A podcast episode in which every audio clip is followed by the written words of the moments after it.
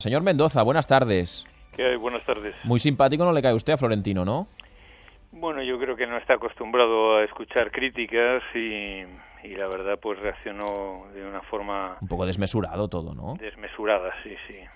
Eh, ¿Por qué va usted a las asambleas? Porque usted sabe que acabará con el 99% a favor de, de, Florentino. Es usted, si me permite, un, un, valiente o a veces un inconsciente, ¿no? De ir allá a, a territorio, entre comillas, enemigo.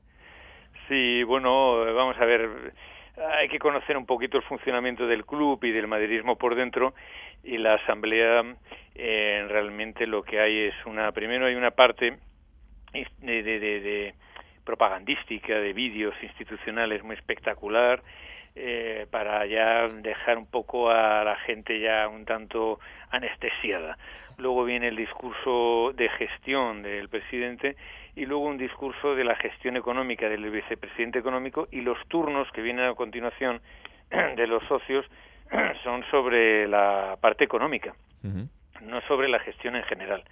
Con lo cual, las votaciones se hacen eh, sobre la, mm, las cuentas y el presupuesto, que la gente pues entiende que si les ofrecen ahí unos números que realmente no entienden, porque además ahora la Asamblea está muy controlada por el actual poder y hay una introducción muy, muy considerable de, de peñistas que tienen otro perfil distinto de un compromisario eh, al que le guste más estudiar las cuentas en profundidad. Uh -huh. Y con todo, pues eh, encima, con una votación a mano alzada, pues aunque la gente esté votando que sí a unas cuentas, en la realidad, si se estuviera votando el informe de gestión y de una manera que garantizara el secreto, a pesar de tener tan domeñada la Asamblea, el resultado no sería así.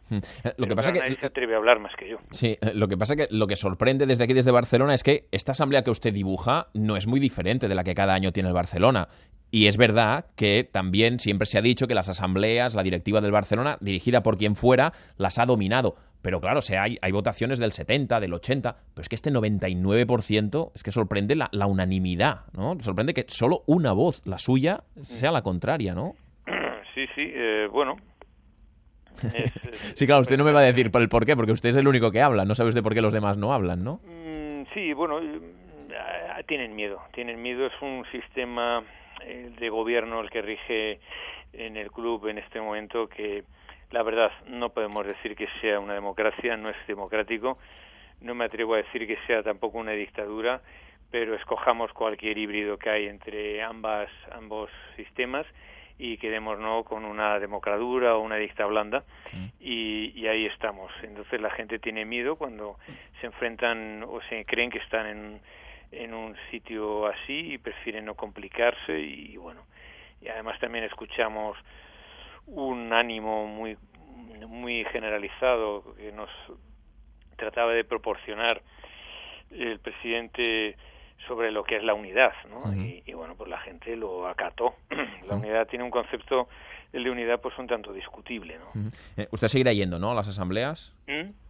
¿Seguirá usted yendo a las asambleas, digo, y, y hablando? Sí, yo, yo, yo no se rinde, ¿no?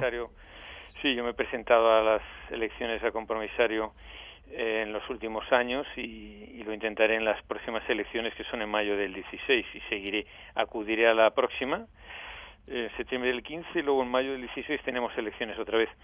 Un sistema muy peculiar de elecciones donde se eligen los los compromisarios por millares, es decir, que igual si a mí me votan eh, 50.000 personas, pero ninguno de mi millar no soy elegido, uh -huh. y, y, en donde los uh, candidatos no pueden ponerse en contacto con los electores, no podemos hacer campaña. Uh -huh.